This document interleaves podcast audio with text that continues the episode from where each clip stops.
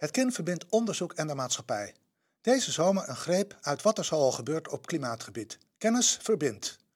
Vandaag in editie 13 van de Kindcast het opnieuw bevriezen van het Noordpoolgebied. Een Delftse start-up heeft het plan opgevat de Noordpool opnieuw te bevriezen. Arctic Reflections, onder leiding van Fonger Ipma, heeft een eenvoudige maar efficiënte methode bedacht om het zeeijs dikker te maken door tijdens de wintermaanden zeewater op het ijs te pompen om de ijsgroei te versnellen.